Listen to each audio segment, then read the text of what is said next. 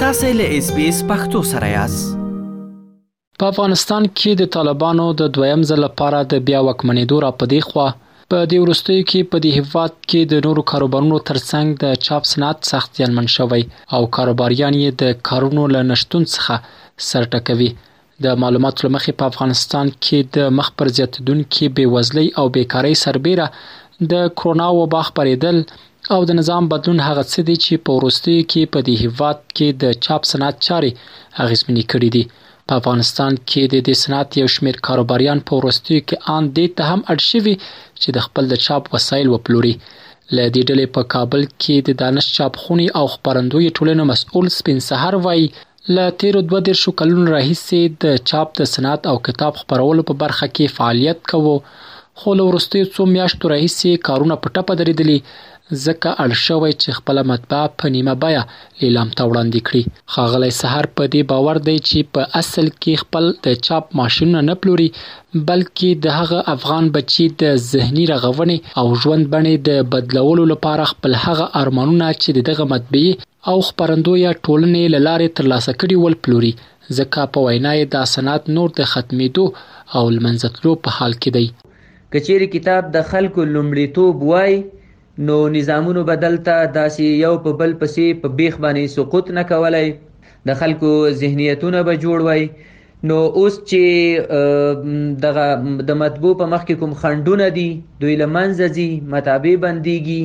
یا دغه کوم خبرنیز فعالیت چې دی دا ټکنی کیږي نو معلومدار خبره ده چې د خلکو ذهن رغونې ته چې کوم کارونه کېدل هغه به نور نه کیږي او ذهنونه چې ونه رغیږي هلته هیوادنۍ مینه هم نه وي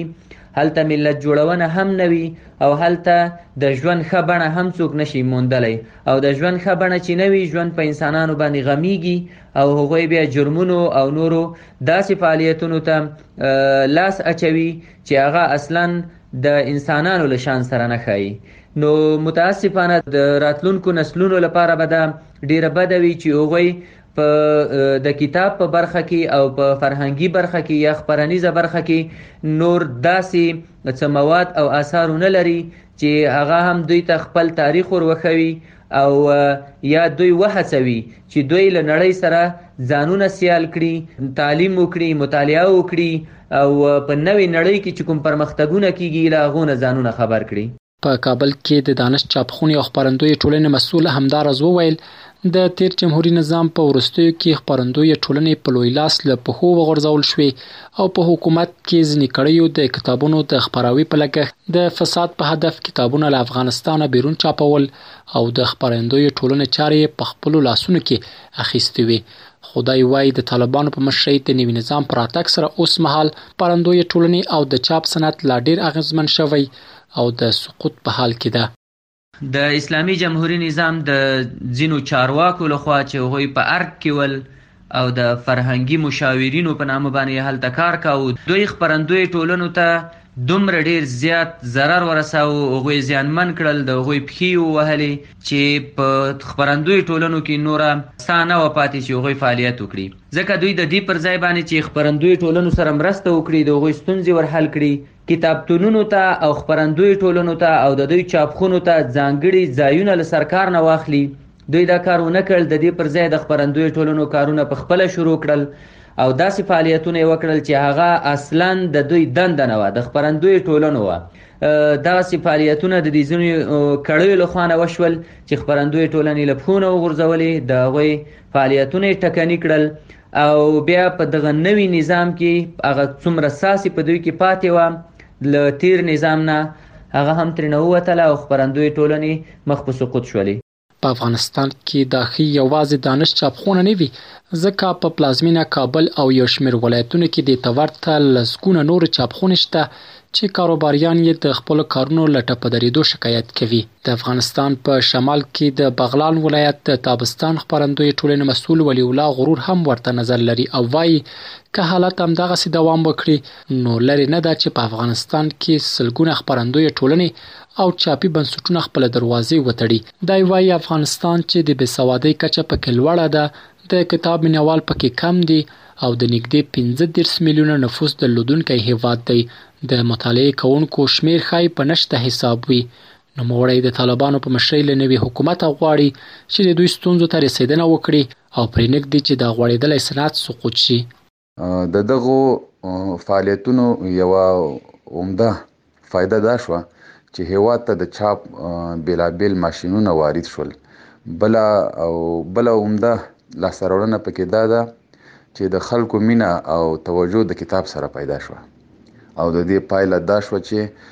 د کتاب فرهنګ په زرګونو لیکوال او د قلم خاوندان خپلې ټولنې ته وړاندې کړل دوی یې د کتاب لیکلو او یا هغه څه چې دوی په خپل ذهن کې درلودل